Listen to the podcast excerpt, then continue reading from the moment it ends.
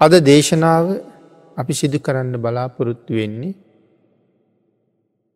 කරණීය මත්ත කියන සූත්‍ර දේශනාව තුළින්. ත්‍රිපිටකේ ඉතා විශේෂ සූත්‍ර දේශනාවක් වෙන කරණීය මත්ත සූත්‍රයේ පිටකයේ කොද්දක නිකායේ දෙපොලක සඳහන් වෙලා තියෙන. ඒ විශේෂත්වය නිසාමයි. මේ සූත්‍ර දේශනාව මුල් කරගෙන අපි එක ධර්ම දේශනාවක් මීට කලින් සිද්ධ කරලා තියෙනවා. මේ පින්නතුන්ගේ දායකත්වයෙන් සිදු කරන්න බලාපොරොත්තු වෙන්නේ එහි දෙවෙනි ධර්ම දේශනාව. පළවෙනි ධර්ම දේශනාවේදී අපි සංවේග වත්තු පිළිබඳව සාකච්ඡා කරන්න යෙදුන සංවේග වත්තු අටක් තියෙනවා. එයින් අපි හතරක් සාකච්ඡා කරන්න යෙදුනා. පින්නතුන පස්වනි සංවේග වත්වයේ ඉඳලා අපි සූත්‍රයේ ඉදිරියට සාකච්ඡා කරමු. පස්වනි සංවේග වත්තුව තමයි සතර අපා බය සංවේග උපදවන්ඩ ඕනේ. අපාය බය. සතරාපාය කියල කියහම නරක තිරිසං ප්‍රේත අසුර මේ අපායවල් හතර ඉතාමත්ම දුක්කදායකයි. අසුරනිකායනම් යම් පමණ සැපයක් තියෙනවා කියන කාරණ සමහර වෙලාවට ධර්මයෙන් ගුණගහෙනවා. නමුත් අනික් කාරණ තුනනම් ඉතාම දුක්කදායකයි. මේ සතරාපා බය කියල සඳහන් කරහම නිරය ලෝකයක් කොච්චර දුක් සහිතද. ධර්ම දේශනා තුළින් නිරය ගැන ඕන තරන් කරුණු අපේ පිණිතුන් නහල ඇති. එනිසා දීර්ගව කරුණු සඳහන් නොකර කෙටියෙන් කාරණාවක් දෙකක් සිහිපත් කළොත් දැන් හැම කෙනෙක්ම දන්නවා. නිරයවල් අපේ භාගිතුන් වහසේ දේශනා කළා එකසිය තිස් හයක් පිළිබඳව. මහනිරේවල් අටක් තියෙනවා. එවට කියනවා අට මහනිරය කියලා.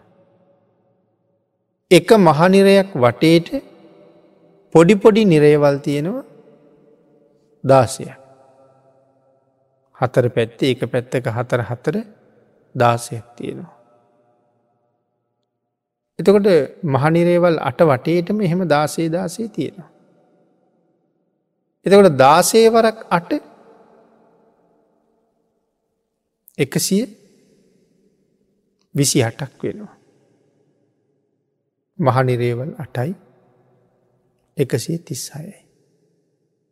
එහෙම තමයි නිරේවල් එකසිය තිස්සයි හැදිලතියෙන්. අර පුංචි නිරයන්ට කියන ඔසුපත් නිරයන් කියලා. මහනිරයන්ගේ ආයුෂත් ඉතාම දිගයි.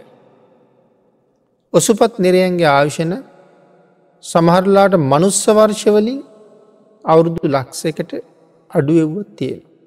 අවුරුදු හැටදාහ අවුරුදු අසූදාහ වගේ කාල පරාසන වලින් නිමා වෙලා තියෙනවා.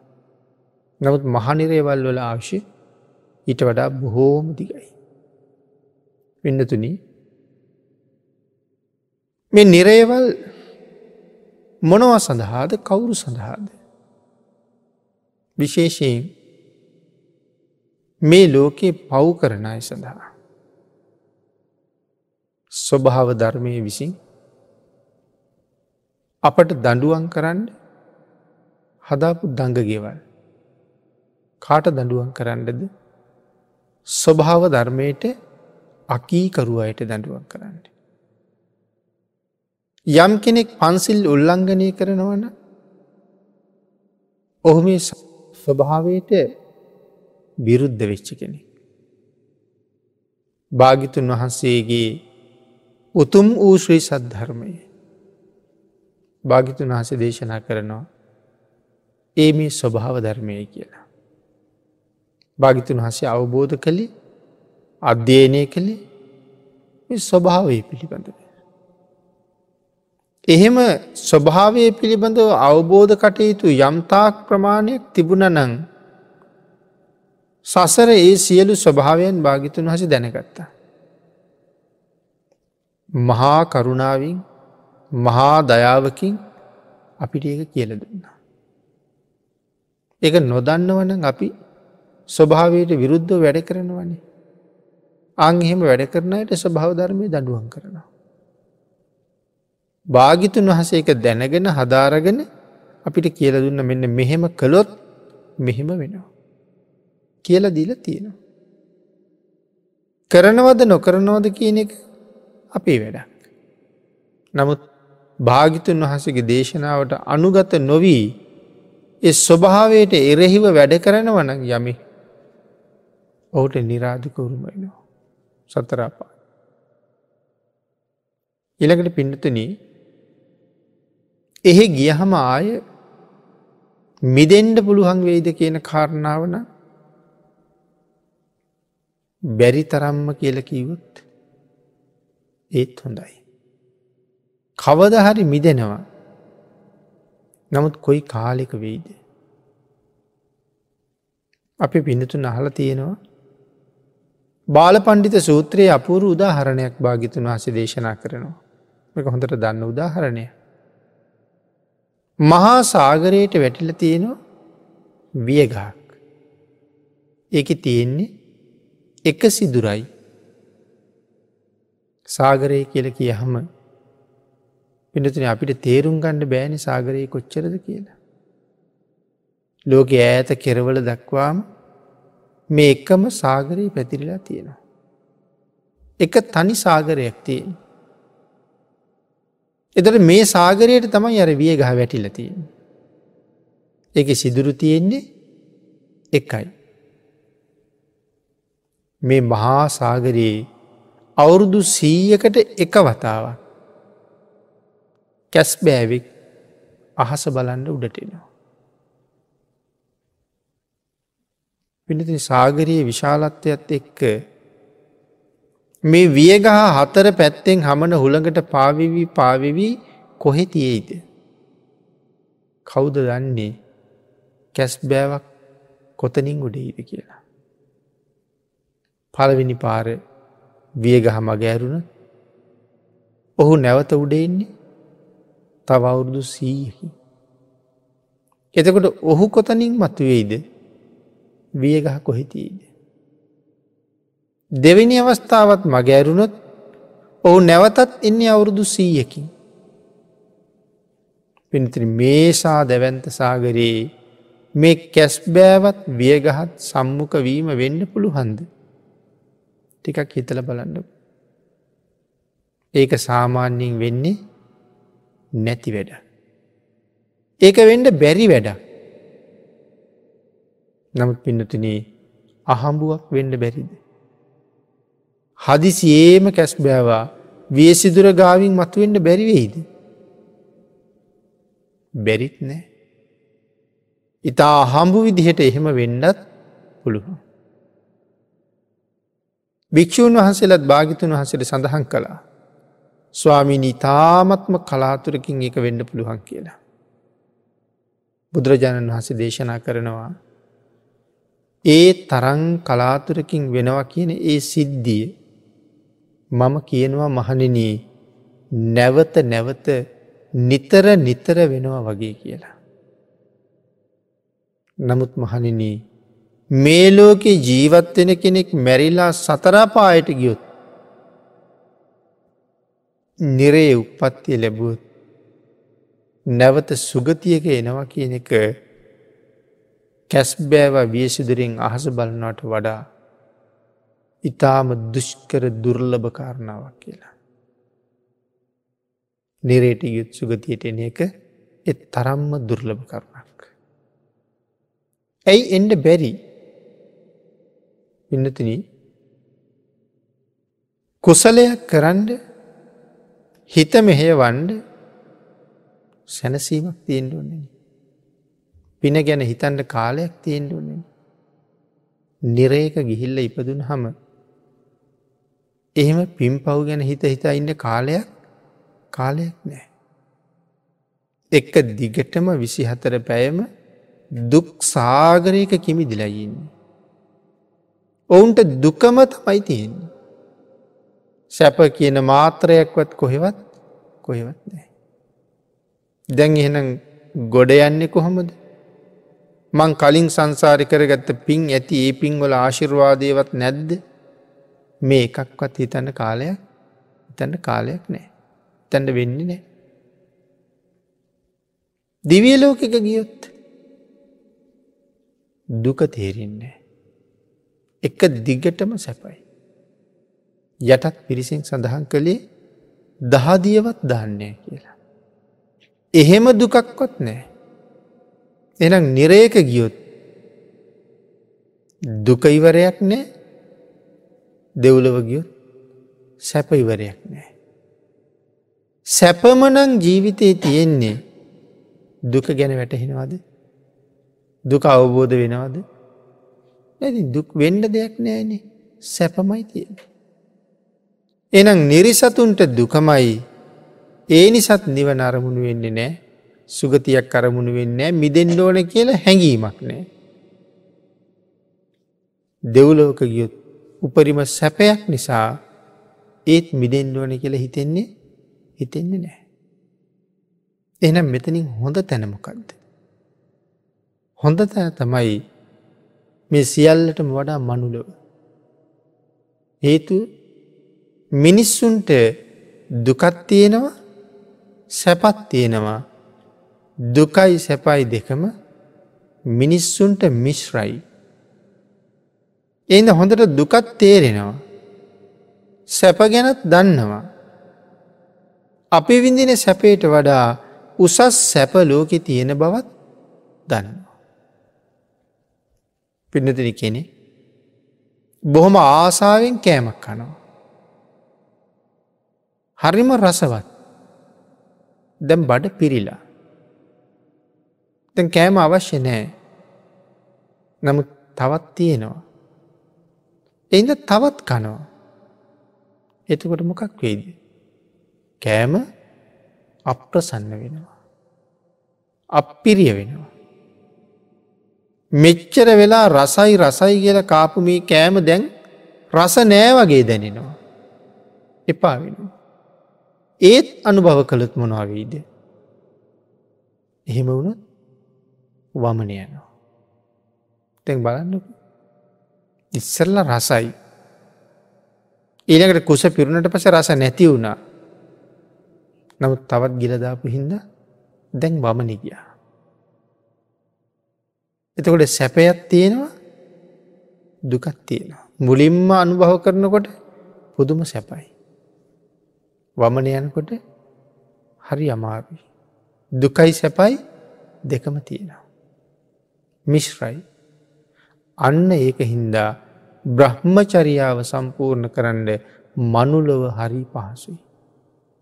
මනුලව හරි සුදුසුයි ඒකට. ආංගේ නිසා සතර අපායේ දුක දිවීලෝක සැප.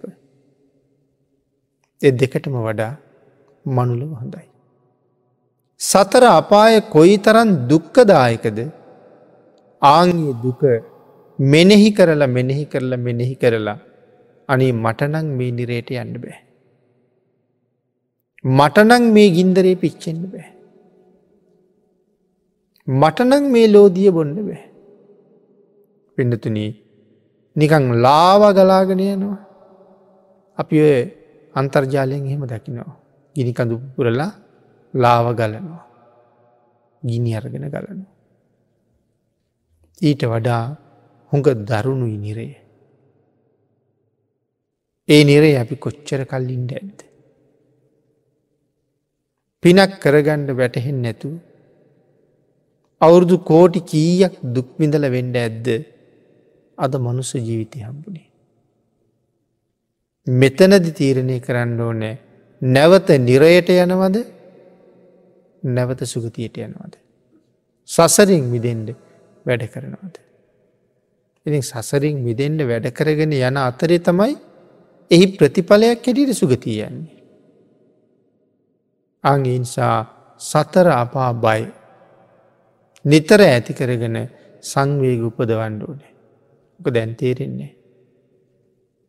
දැන් ටිකයි තේරෙන්නේ. හැබැයි මරණ මංචකී වැටිලා අසරණ වනාට පස්සේ ඔය කාරණාව වැටහෙන්ට පටන් ගන්නවා මීට වඩා හුඟ ඉහෙලි. නමුත් වැටහුණාට වැඩක් නෑ. මුකුත්ම කරගණ්ඩ කරගන්න බෑ. ඒ නිසා පුළුවන් වෙලාවි කරගන්න එක හරි වටි. එනම් හයවැනි කාරණාව සඳහන් කරනවා අතීත සසර විඳපු දුක් සංවේග උපදවන්න ඕන හයවෙනි කරුණ අතීතයේ සංසාරය විඳපු දුක් මොනවද මේ අතීතයේ සංසාරය විඳපු දුක් කියල කිය වෙනතර මේ මනුස්ස ජීවිතය ලබන්ඩ කලින් අප කවුරු වෙලා ඉන්ඩ ඇත් නිරය ඉපදිලා කොච්චර දුක්විඳින්ට ඇත්ද තෙරිසංලෝක ඉපදිලා කී පාරක් අපේ බෙල්ල කපන්ඩ ඇත්ත කී පාරක් අපි දුවද්දි වෙඩිතියන්ට ඇද. කී කාලයක් ඔය අනුන්ගේ ගොවිපොළවල්ලොලට එහෙම ගිහිල්ල කාපු නිසා වසවිස කණ්ඩ ඇද්ද. කී කාලයක් උනුවතුරි තැම්බිලා මැරෙන්ට ඇද. කී කාලය මහා මිටිපාරක් වගේ අනුන්ගේ අතට යට වෙලා මදුරුවවාගේ ආත්මොල ඉපදිල මැරෙන්ට ඇද. කූබිවාගේ කුඩා සත්තු වෙලා ඉපදිලා මිනිස්සුන්ට කාපු අරදට ඒ මිනිස්සුන්ගේ ඇගිල්ල බර ඇඟට වැටිලා ඇගිල්ලෙන් අතුල්ලලා රෝල් කරලා මරලදාපු අවස්ථා කොච්චර ඇත්ත. ඔබ මම එවන් ජීවිතවල ඕන තරන් හිටිය. අලියෝ ඇත්තු වෙලා මොන තරන් බරාදිින්ට ඇත්ත. අදින්ට බැරි බර උස්සන්ඩ බැරි කොට උස්සලා තියෙනවා. උස්සන්ඩ බැරි දේවල් කොහොම දුස්සලා තියෙන. පින්නතුන අර හෙන්ඩුව කියල කෙන යකඩ උල කනගාවින් ඇනලා පස්සට අදිනකොට මසුත් එක්ක බැරි බරයිසෙනවා. වේදනාව නිසා. බෙහෙතක් විදිනකොට අපිට දැනෙන වේදනාව. කටුවක් ඇනිලා කටුවක් ගණ්ඩ තව කටුවකින් උත්සාහ දරනකොට අපට දැනෙන වේදනාව. ඇගිල්ලක්වා ගිලොක් අර යකඩ උල කනගාවින් ඇනල පස්සට අදිනකොට කොහොම වේදනාවක් ඇන්ද. එතකොට අර බර ඉස්සෙන් නැතිවේද. එතකොට උත්සනවා. කණ්ඩත් නෑ හරියට. ඔබ මම මේ සසර එහෙම කොච්චර දුක්විඳල ඇද. අතීත සංසාර බය මතක් කරන්න කිවේක. හරකෙක් වෙලා ඉපදිල ගව මඩුවේ ගෙන හිල්ල බැඳල සහෝදර හරක් කපන දිහා බල බල බෙල්ල කනුවටම හිරකරගෙන කණ්ඩ බොන්ඩ නැතුව තමන්ගෙම අය මැරෙන දිහා බලාගන කොච්චර සුසුම් හෙරල ඇද්ද. කොච්චර කඳුළු හලල ඇද්ද. ඒ අයට උදාවිච්ච ඉරනමම හෙට දවසය මට උදාවෙනවන්නේ එම හිත හිත මොන්න තරන් දුකක් විඳින්ට ඇත්ත. සමහර හරකුගේ ඔළුවට ගහන කුළුගෙඩි පාර දැකළ කොච්චර බයවෙන්ඩ ඇද්ද. මග ඔළුවටත් එහෙම ගහයි කියලා. කකුල් හතරම බැඳල පෙරලලා දිලිසෙන පිහියක් කරගෙන ඉල්ල බෙල්ල කපනකොට ඒක දිහා බලාගෙන ඉන්න සතාට කොහොම වේදනාවක් දුකක් දැනෙන්ට ඇත්ත. එතනින් ගලාගෙන ගිය පුල්ලේ සතර මහා මහා සාගර ජලයට වඩාවෙන්. ඒ හරක් ආත්මොල ඉපදිලා. ඌර වෙලා කුකුල්ලු වෙලා හාව වෙලා බැටලුව වෙලා එලුව වෙලා අපේ මස අනුන් පෝෂණය කරන්න දෙනකොට කොයි තරන් දුකක් විඳල දෙන්න ඇත්. මාළු වෙලා ඉපදිලා කොච්චර දුක්කිඳින්ට ඇත්. මේ අතීත සංසාරය අපිට උරුම වෙච්ච දේවල්. අපිට බුක්ති විඳින්ට ලැබිච්ච දේවල් පිඳතුන වසංගත රෝග හැදිලා අපේ ඇස් දෙක ඉස්සර අපිට අපේ අම්ම කොච්චර මැරිල ඇදේ සංසාරය තාත්ත කොච්චර මැරිල ඇද්ද වසංගත රෝගවලින් අපේ මූුණ දිහා බලාගෙන අත් දෙක උත්සගෙන ජීවිතය ඉල්ල ඉල්ල අපේම දරුවෝ වසංගත රෝගවලින් කොච්චර සසර මැරිල ඇද්ද. අපි බලාගෙන ඉන්නකොට සිංහයෝ කොටියෝ දිවියූ අපේ ළමයි කොච්චර උත්සගෙන ගිහිල්ල ඇද්ද. උකුස්සවාගේ සත්තු කොච්චර ළමයි උත්සගෙන ගිහින් ඇද්ද. අපි බලාගෙන ඉන්නකොට අම්ම තාත්තා කී පාරක් වතුර ගහගෙන ගිහිල්ල ඇද. ඒ කෑගහපු හැටි යට ගිහිල්ල අත දික් කරලා පෙන්නපු හැටි අත උත්සපු හැටි මතක් වෙන්න මතක් වෙන්න ජීවිතය පිච්චෙනවාගේ දෑනවා. නමුත් මේ කියන දේවල් ඔක්කොම අපි අතීතය විඳල තියෙනවා. මේ දුක සමානම දුකක් අනාගතයේ විඳින්ඩත් තියෙනවා. අගේ නිසා හත්වෙනි කාරණාව අනාගත සසර බය. අතීත සසර බයක් අර විදිහට තිබිල තියෙනවා අනාගත සසර බයත් ඒ විදිහටම ඉස්සරහට තියෙනවා. අනාගත සසර බයෙන් විදෙන්ඩ ඕනෙනම් යම් අදාදම මේ ජීවිතයෙන් මිදෙන්ඩ උත්සාහ කරන්න ඕනේ. මේ ජීවිතෙන් කිය හම මේ ජීවිතයෙන් උත්සාහ කරන්න ඕන සසරින් විදින්ට. එතකොට අනාගත බය පිළිබඳව අපිට බයක් ඇති වෙන්නේ නෑ. අවසාන කාරණාව දේශනා කළා වත්මන් ආහාර පරියේෂණ දුක එකන මේ කාලේ ආහාර හොයාගණ්ඩ කොච්චර දුක් විඳින්ට නැද. ආහාරනං සුල බයි. අපිට තියෙනවා නමුත් කෑම වේලක් නැතුව දුක්විදිනය කොච්චර ඉන්නවාද. වතුර බෝතලයක් නැතුව දුක්විදිනය කොච්චර ඉන්නවාද. නිමක් නැති දරන්ඩ බැරි බඩගින්නක් නිසා අනුම් කාලදාපු ඉඳුල්ටික ඇදල හොයලා අරගෙන සුනකයෝ යම්සේ කුණු බාල්දි පෙරල පෙරල කනවද. එසේ අනුභව කරන මිනිස්සු මේ සමාජයේ කොච්චර ඉන්නවද. එන ඒ ආහාර පරීක්ෂණය දුකනේද. ආහාර නැති නිසා තියෙන දුක. මෙතන ආහාර පර්යේෂණය දුක කියල සඳහන් කරම ආහාර ටික හොයන්ඩ අපි කොච්චර දුක්විඳර තියෙනවාද. උදේ ඉදල රෑවෙනකං හේන්නේ. උදේ ඉදල රෑවෙනකං කුඹුරි අව්වේ පූටකේ පිච්චි පිච්චි. උල් මුල් කටු ඇනගෙන මොන තරන්නන් දුක්කිින්දිනවාද. ආහාරටික හොයන්. කෙනෙක් ඉගෙනගෙන රස්සාාවක් අරගෙන රැකියාවට යනවා. උදේ පාන්දරනැකිල්ලා පිටත් වෙනවා රැයිං රෑවෙලා එනවා. පහුව දෞදිත් නැකිල්ලා පිටත් වෙනවා පහුවදත් රෑවෙලා එනවා. මොකටද මේ වැඩ කරන්න. දරුව ඇසුරු කරන්න ලැබුණද. දරුව හුරතල් කරන්න ලැබුණද. දරුව එක සෙල්ලං කරන්න ලැබුණද. බිරිඳ එක ස්වාමියත් එක සතුටින් කතා බහ කරලා ඉන්ඩ අවස්ථාව ලැබුණි කොච්චර කාලයක්ද. නමුත් මේ තරං දුක් බිඳවිඳ මේ කරන හැම එකේම ප්‍රතිඵලයමකක්ද. මොකරද මේ මහන්සි වෙන්නේ. අන්තිමට හොයාගෙන හොයාගෙන ගිහිල්ල බලහම කෑම සඳහා. කෑමට අවශ්‍ය දේවල් ගැනීම සඳහා. අංක එක එනම් මේ ආහාර වේල හොයන්ට කොච්චර දුක්විඳිනවද.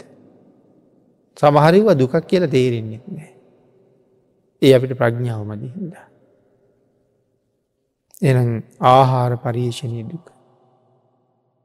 ආං ඒ දේවල් නිතර නිතර හිතන්න කියලා දේශනා කළ. එනතුරි මේ කාලෙ මොනවහරි කරලා ආහාර හොයෙනවා. දුර්භික්ෂයක් එහෙමාව. කන්න කීපයක් පැහුන් නැත්තා. ළමයි බඩිගින්න අඩනකොට මොනෝද දෙන්න කියලා හිතල බලන්ට. අපිට බඩිගිනි දැනෙනකොට අම්ම තාත්ත සාපි පාසාාවෙන් ඉන්නවා කියලා ආරංචි වෙනකොට මොනවද ගෙන ඉල්ල දෙන්නේ. ඔක්කොටම නෑ නමුත් හදවත පිච්චෙන දුකක් තියෙනවා. ආහාර හොයන්ඩ ගියපු නිසා. ඒ ආහාර පර්යේෂණය කොයි තරන් දුකයිද. එද සංසාරය එහෙම දේවල්ලට කවදාවත් මුණ නොගැහෙන්ට මූුණ නොපාන්්ඩ ලැබිච්ච උතුම් මනුස්ස ජීවිතයෙන් මේ ශ්‍රේෂ්ඨ බුද්ධාන්තරයේ පවතින වෙලාවේ එයින් ප්‍රයෝජනයක් කරගණ්ඩ ප්‍රඥාවන්තය උත්සාහ දරනවා.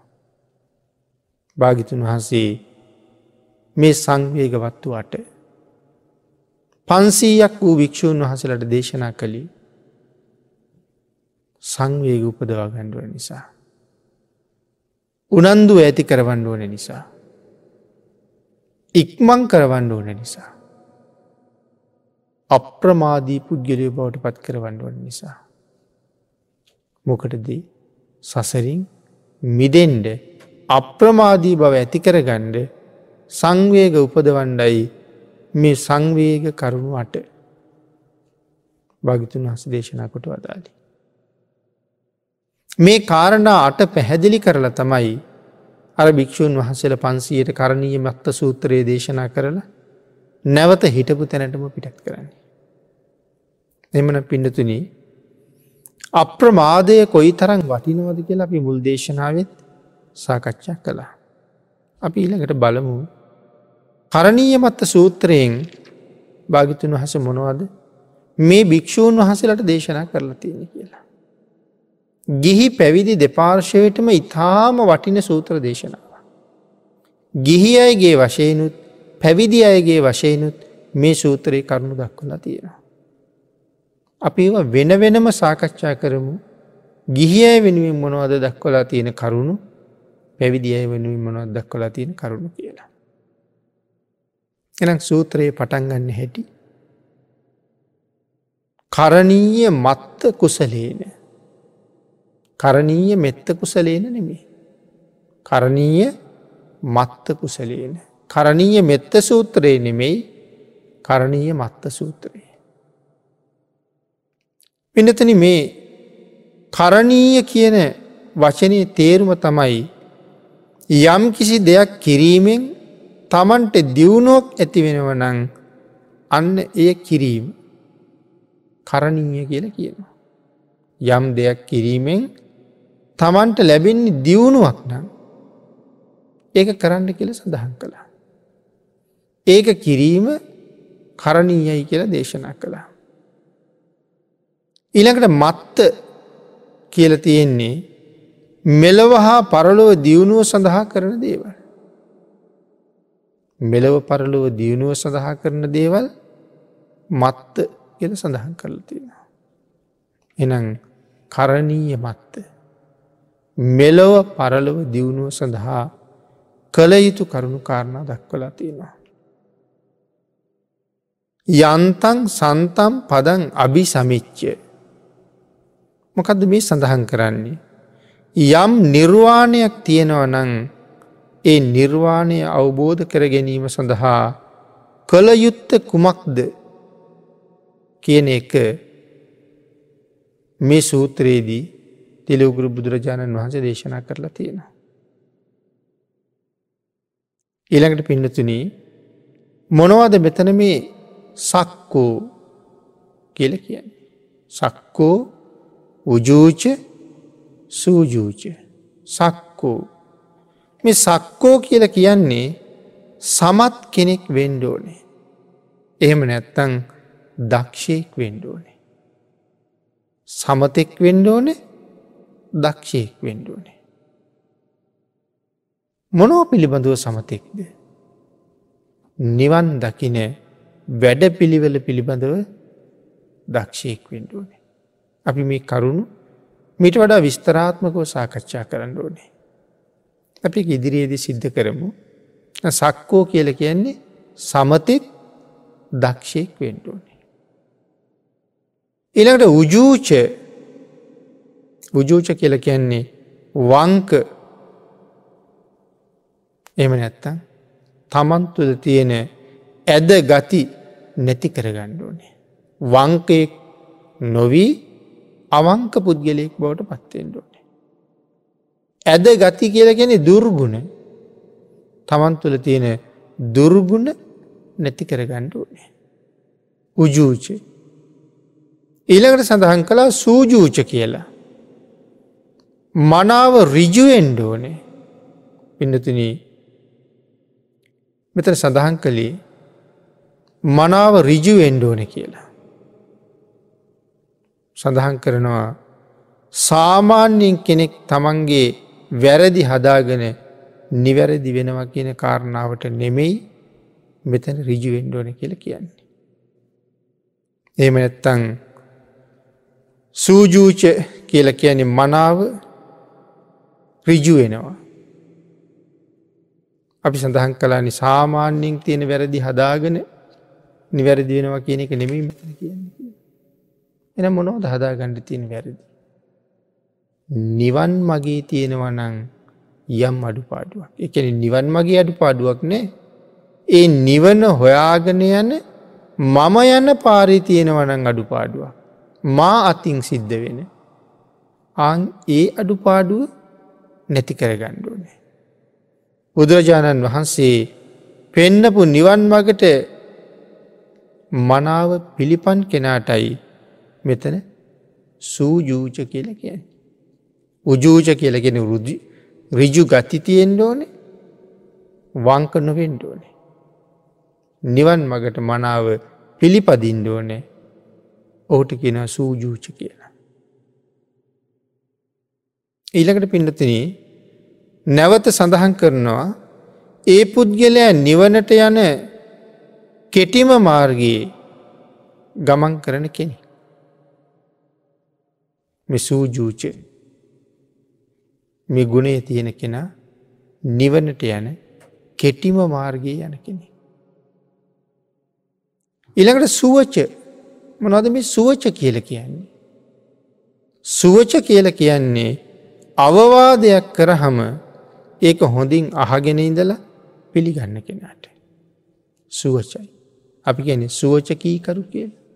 අවවාදයක් කරහම එක හොඳට ආගෙන ඉන්නවා. ආගනිදල පිළිගන්නවා. හැමෝම අවවාද පිළිගන්නවාද හැමෝම අවවාද පිළිගන්නේ නෑ. සමහර කෙනෙකුට අවවාදයක් කරහම තමන් වැරද්ද කළේ නෑ වගේ බේරෙන්ඩ එයා වචන ගණනාවක් කියනවා. හේතු කාරණා කීපයක් ඉදිරිපත් කරනවා. එහෙම අයට අවවාද කරන්න එපා කෙල්තියෙන්. සමහරය අවවාදයක් කරහම අවවාදය කරන කෙනාව හොඳටම වෙහෙසෙනවා. කොහොමද වෙහෙසන්නේ. මොනවකීවත් කතා කරන්න ඇතු ඉන්න. මොනව ඇහුවත් උත්තර දෙන්නෙත් නෑ. මොනව කීවත් කතා කරන්නෙත් නෑ. ඔහු මේක පිළිගත් අද නොපිළිගත් හද ඔහුට තේරුණාද නොතේරුණාද කිය අපි දන්නේ. ඇති තොට අවවාද කරන කෙනා වෙහෙසෙනවා. අං එහෙමයට අවවාද දෙන්න එපා කියලගිය. එනම් සුවච කියලකී අවවාදයක් කරනකොට එක හොඳින් අහගනින්දල පිළිගන්න කෙනා. එහෙමයි ස්වාමී. තමන්ගේ වැරදි දකිනවා කියන එක ලෝකෙ හරි අමාරු වැඩ. නමුත් ඒ තමන්ට දකින්න එක මගේ වැරදි මම දකිනව කියන එක අමාරු වැඩ. හැබැයි ඔබේ වැරදි ඕන තරන් මට පේනවා. ඔබේ වැරදි ඔබම දකිනව කියන එක සාමාන්‍යයෙන් නොවෙන තරන් වැඩ වැරදි තියෙන හුඟ නමුත් මං වැරදිී කියල හිතන්ට කවුරුවත් නිහතමානී නෑ. හැබැයි ළඟ ගෙවල් වලායි. තවත් නොයෙක් දේවල් අයගේ අඩු පාඩුනම් ඕන තරන් කතා කරනවා. ඒමන පිඩතුන ඒකයි මෙතන සඳහන් කරන තමන්ගේ වැරදි තමන්ට දකිින්ට හරි අමාරුයි. නමුත් ස්වාමීනී මගේ වරදක් දැක්ක තැන. දෙපාරක් නොහිත මට ඒක කියල දෙන්න. මෙතම අවවාදී පිළිගන්න පුද්ගලයා. සුවච පුද්ගලයාගේ හැටි. ඊළකට මෘදු කියල කියන්නේ මෘදු බව සෞම්‍ය භාවය ඇති පුද්ගලයා. ඉළඟට තියෙන පිනතින අනතිමානී මොකද මේ අනතිමානී කියල කියන්නේ. අනතිමානී කියල කියන්නේ මානය අඩු කීකරු පුද්ගලයෙක්. මොකද මේ මානය කියල කෙනෙතකොට. මානය කැන මින්මක් මැනීමක් මොනවද මැනල තියෙන්නේ. ධනය නිසා මානය ඇතිවෙනවා. සීලේ නිසා මානය ඇතිවෙනවා. දේපල නිසා මානය ඇතිවෙනවා. රුවලස්සන නිසා මානය ඇතිවෙනවා. ඇඟපත මහත බව නිසා ප්‍රියමනාපනන් දැකුම් කළුනන් ඒ සම්බන්ධයෙන් මානය ඇතිවෙනවා. මැනීමක් තියෙනවා. මම උසස් අරායේ තරම් උසසනෑ. මම හොඳට සිල් රකින කෙනෙක් ඔය කවුරුවත් මන්තරන් සිල් රකින අය නෙමෙයි. තැන් තමන් පිළිබඳව මැනීමක් තියෙනවනේ.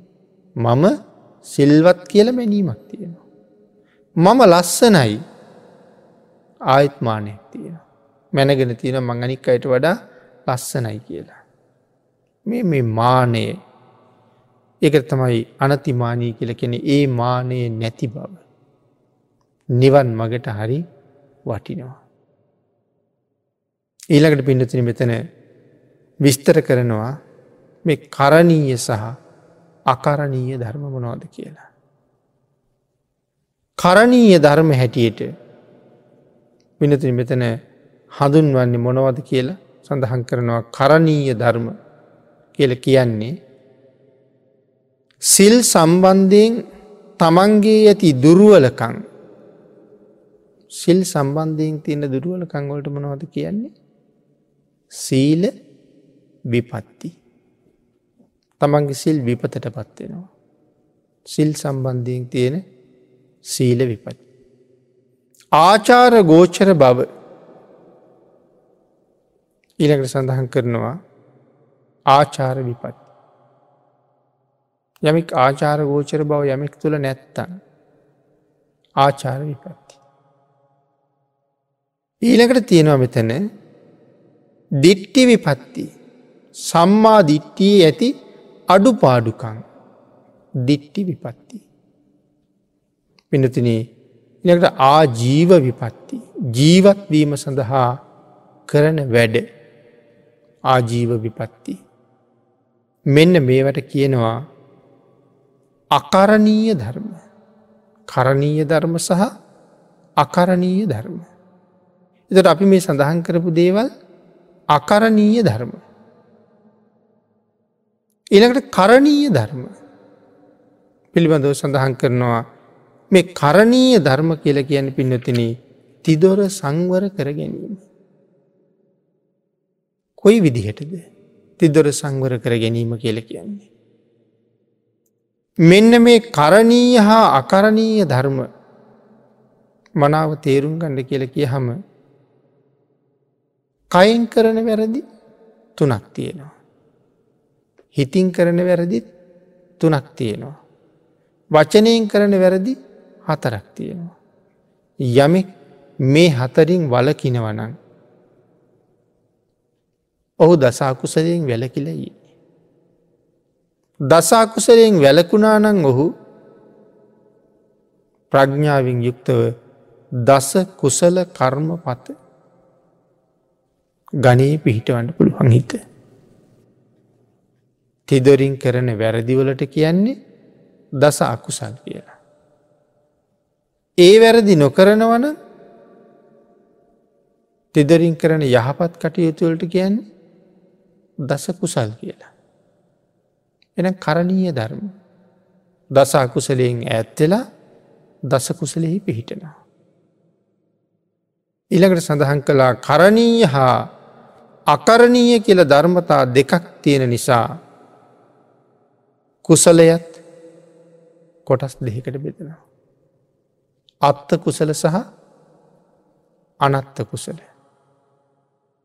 කරණීය මත්ත කුසලේන කියලනකිව. අත්ත කුසල අනත්ත කුසල. එතකොට පින්නතුන මෙතන සඳහන් කරනවා යමෙක් යමක් කරනකොට එයින් තමන්ට ලැබෙන්නේ දියුණුවක් නම්. එකට කියනවා අත්ත කුසලයක් කියලා. අපි යම් වැඩක් කරනවා. සමහර වැඩ අපි පිරිහෙන වැඩ. සමහර වැඩ අපි දියුණු වෙන වැඩේ.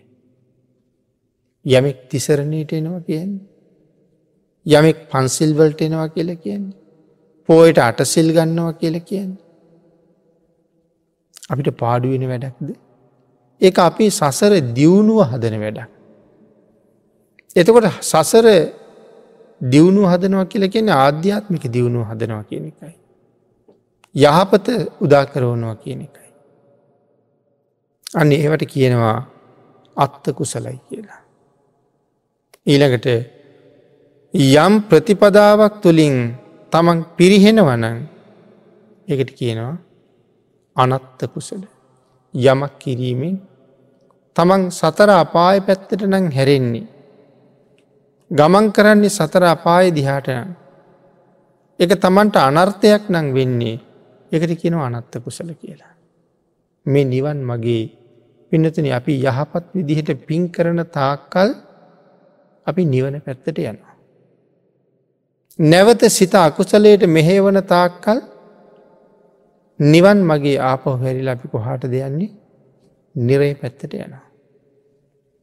එමනං නිරය පැත්තට යන එක තමයි අපි ඇතින් වැඩීන් කෙරෙන්නේ. දවසේ පෑ විසි අතරයි. මේ පෑ විසි අතර තුළ අපි කොච්චර පින් කරනවද. බනැහූ හොඳටම හනුවනං දවසට පෑ දෙක දෙකක් කාය. බුද්ධ වන්දනාවත් පිළියත් කෙරුවන දවසටම ඔන්න පෑක් වෙන් කරයි. ඉතාම කලාතුරකින් කෙනෙ. හැමෝට මෙහෙම කරන්න බෑ. තන්හාාව වැඩි නිසා.